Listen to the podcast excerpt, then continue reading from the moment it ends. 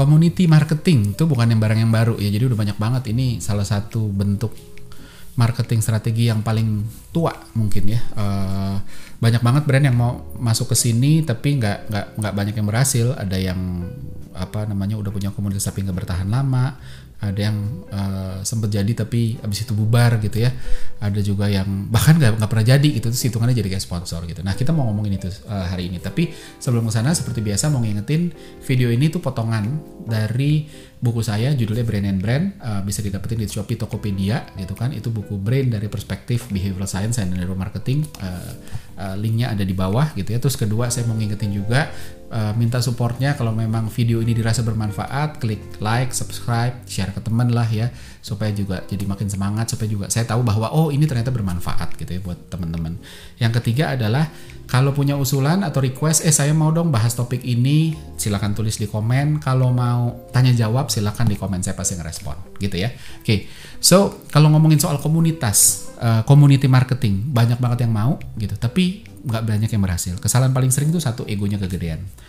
Uh, apa namanya which running komunitas tuh nggak bisa egonya kegedean karena ini tentang banyak orang nggak bisa semuanya tentang kita ini tentang banyak orang tentang komunitas itu bukan tentang brand brand itu cuma numpang itu yang pertama yang kedua adalah nggak sabaran gitu kan community marketing tuh maraton bukan sprint. Jadi kalau kita berharap ngelakuin sekarang terus langsung hasilnya besok nggak akan kejadian gitu ya.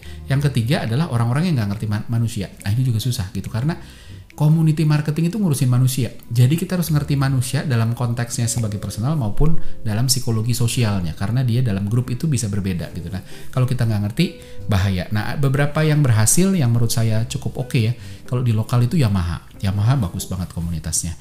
Kedua itu adalah ya Yamaha banyak ya. Ada ada saya tahu karena dulu saya pernah ngurusin uh, community marketingnya Yamaha uh, bukan untuk Yamaha tapi untuk yang lain gitu ya. Mereka punya salah satu klub yang legendaris itu KCDJ King Club Jakarta. Oh itu sampai sekarang bertahan walaupun motor RX King udah nggak ada gitu ya. Tapi merek-merek yang lain juga banyak Mio dan lain sebagainya. Scorpio uh, itu komunitasnya jalan banget. Nah, yang global itu banyak ada Red Bull, ada Gatorade dan Pepsi segala macam lah ya. Nah, uh, benefitnya bikin community marketing itu apa sih? Pertama itu dapat sih meningkatkan loyalty karena orang-orang ini jadi punya wadah untuk ngumpul sama like minded people gitu ya.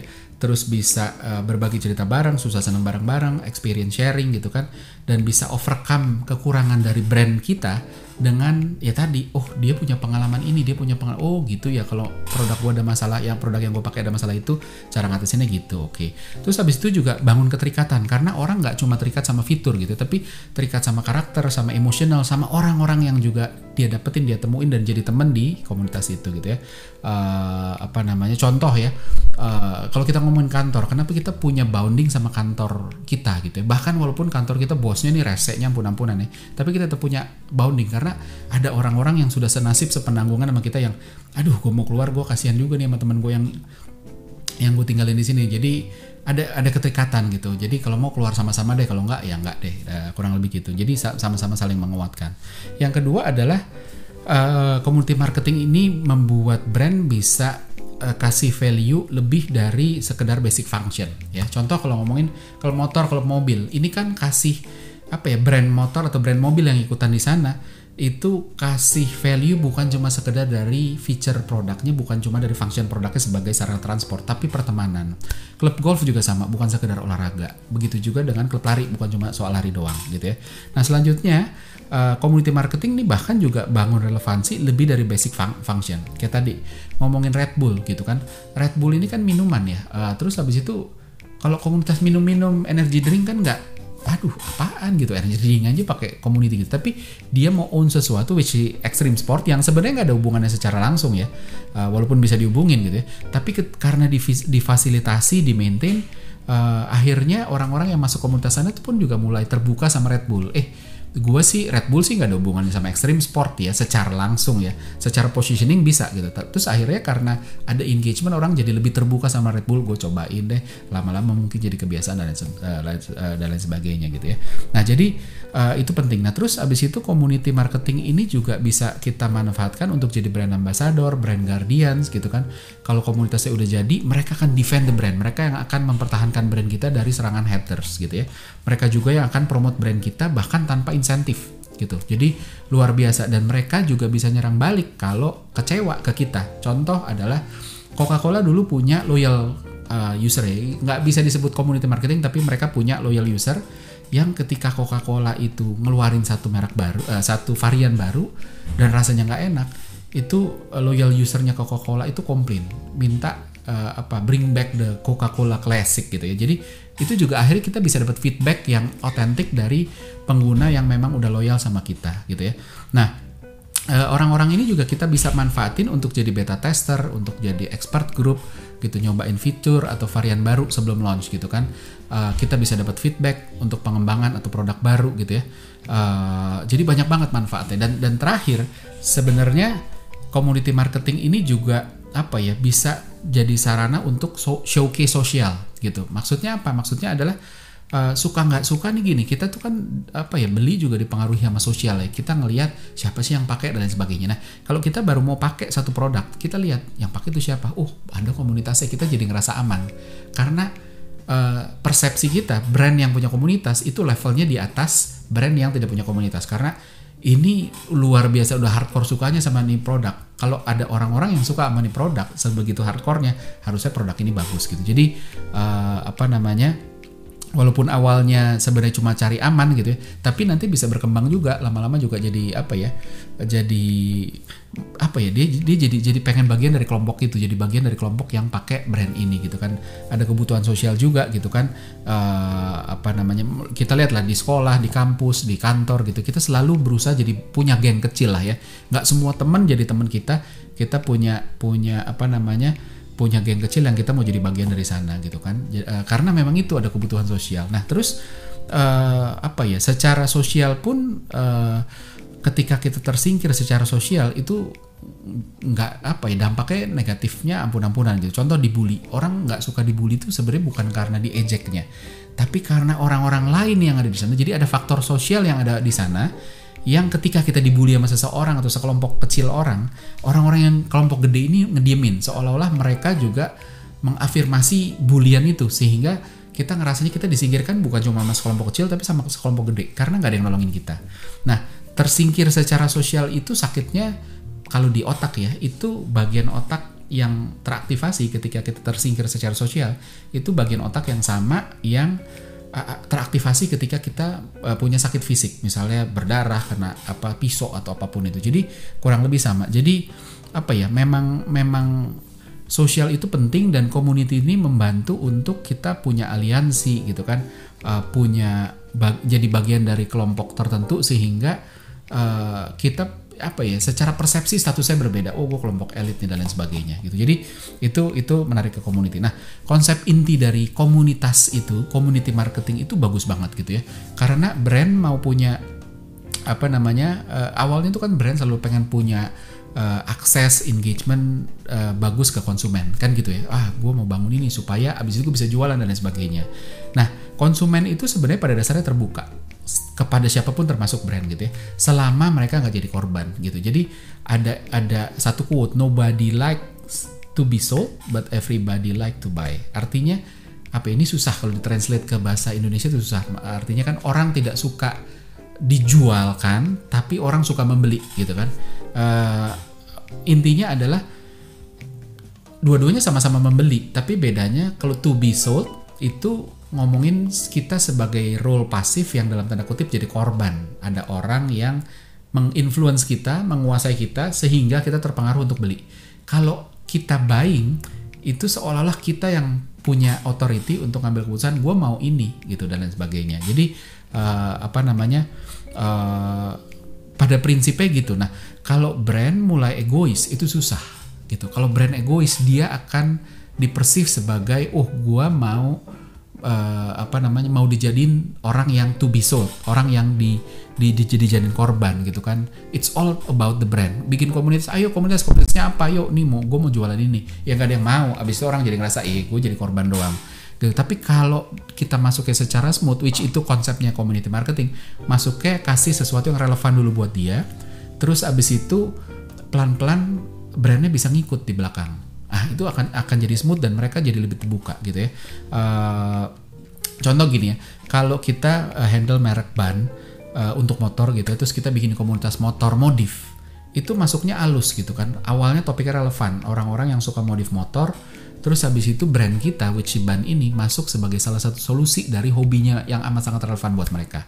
Bukan sebagai spam yang eh ayo masuk yuk kita bikin komunitas orang-orang yang mau beli ini. Jadi agak susah gitu ya. Uh, maka dari itu sebenarnya konsep community marketing ini orang-orang yang yang apa namanya menguasain community marketing harusnya orang-orang marketing yang bagus. Walaupun nggak semua orang yang jalan community marketing itu orang yang bagus ya. Ada dua ekstrim. Satu ekstrim yang egois banget yang bikin komunitas tapi isinya sebenarnya cuma jualan dia. Itu nggak bakal works. Yang kedua adalah yang terlalu loose sehingga komunitasnya ngomongin macam-macam tapi nggak ada relevansinya ke brand akhirnya nggak ada dampaknya ke, ke market. Itu juga itu juga nggak bagus. Nah pertanyaan selanjutnya adalah apakah uh, brand bisa bikin komunitas? Pada prinsipnya bisa ya. Uh, walaupun pada prakteknya nggak semudah itu. Ada yang lebih gampang ada yang relatif lebih susah. Yang gampang itu biasanya high involvement product. Apa pun mobil motor kamera properti elektronik. Elektronik yang uh, ini uh, apa ya yang yang ada yang bisa dikutak-kutik lah ya. Uh, gaming olahraga gitu. Itu itu bisa jadi komunitas. Karena ad, waktu kita menggunakan produk itu high involvement kita terlibat banyak terus habis itu bisa dikutak-kutik segala macam dan proses ngutak-kutik itu menjadi terpuaskan ketika kita punya teman sama-sama yang mikirnya hal yang sama gitu. Nah uh, yang susah itu apa? Pertama ada low involvement produk coba ada nggak komunitas pencinta uh, apa permen misalnya permen mentos deh gitu ya. Ngapain gitu loh permen aja tuh habis itu bikin komunitas. Kan kayaknya enggak atau pe, pe, komunitas pencinta air mineral aqua gitu yang ngapain gitu air putih doang gitu kan? Atau komunitas pengguna sabun batang Lux gitu kan yang ya ampun nggak lah kayaknya nggak segitu. Jadi bukan nggak bisa tapi relevansinya akhirnya nggak begitu bisa masuk ke sana dengan mudah. Lebih banyak akhirnya masuknya sponsorin atau ngetap komunitas yang udah ada yang relevansinya nanti bisa dikonek-konek misalnya gitu ya. Uh, contoh tadi Red Bull sama si Extreme Sport itu kan Red Bull sama Extreme Sport itu kan sebenarnya nggak nggak nyambung ya tapi uh, bisa. Nah so untuk bikin komunitas tuh formulanya gimana? Yang pertama itu mindset bahwa community marketing itu butuh napas panjang. Itu perlu itu penting banget. Nggak bisa expect komunitas bisa jadi dalam waktu sebulan dua bulan dan bertahan selama lamanya tanpa support gitu ya. Butuh waktu untuk nyatuin orang bikin mereka stay dan uh, apa ya lama-lama makin kuat bondingnya. Terus community marketing juga uh, yang sukses ya ini juga bukan hitungan bulan. Jadi butuh waktu bahkan satu sampai dua tahun itu nggak cukup kadang-kadang lebih gitu ya. Uh, awalnya selalu berat karena ya mulai awal lah, apa pun ya kayak mobil kan di awal tuh paling boros. Listrik pas begitu nyala juga paling boros gitu ya. Tapi lama-lama multipliernya makin gede akhirnya makin enteng. Makanya butuh sabar. Butuh nafas panjang butuh dedicated tim butuh strategi. Abis ini harus apa lagi? Butuh budget juga udah pasti. Yang kedua adalah kita harus punya mindset bahwa kita harus start dengan ngebangun relevansi dulu. Karena community itu nggak bisa egonya dulu di wah gue mau jualan. Nanti itu munculnya belakangan gitu. Jadi jualan akan datang dengan sendiri. Jangan egois gitu. Orang marketing yang egois ini nggak akan pernah berhasil bikin komunitas dijamin ya.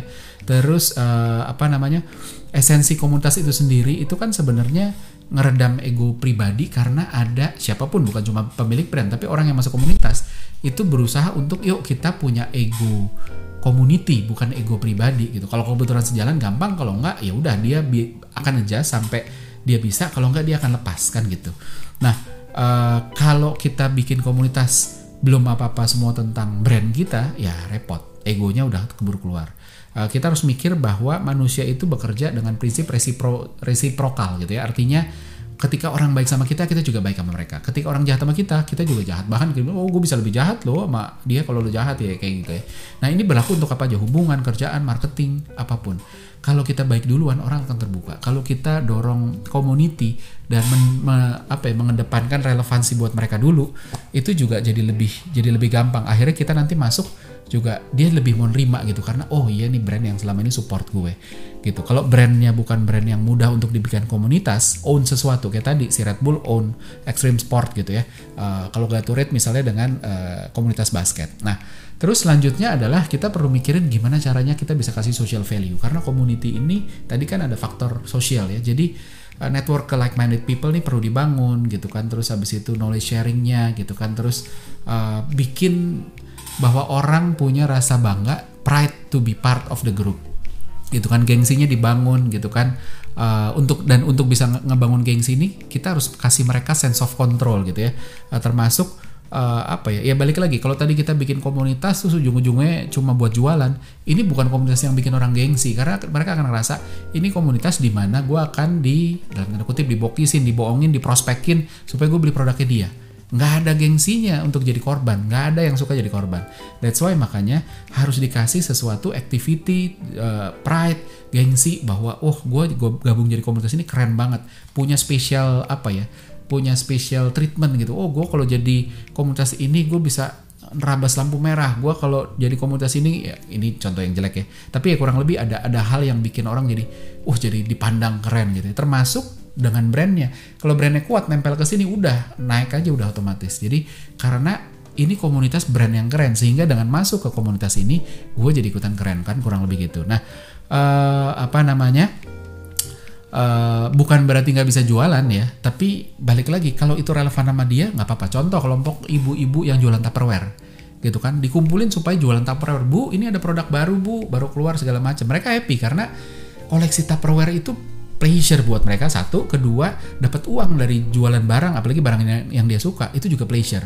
Jadi mereka punya sesuatu yang value yang bagus dan mereka bisa pamer ke orang, eh gue punya tupperware jenis ini dan lain sebagainya gitu. Nah uh, hard sell bisa jalan uh, kalau brandnya udah di level cult. Contohnya Harley, uh, Lamborghini, tas-tas branded gitu ya. Dengan masuk ke sana gampang karena apa ya brandnya udah sebegitu membanggakannya udah di level cult sehingga ketika kita jadi bagian dari sana kita pun juga jadi akhirnya punya value yang gede. Nah terakhir adalah kita harus tahu kapan kita jump in dan kapan kita harus hands off. Komunitas ini nggak bisa terus disuapin terus-terusan gitu ya.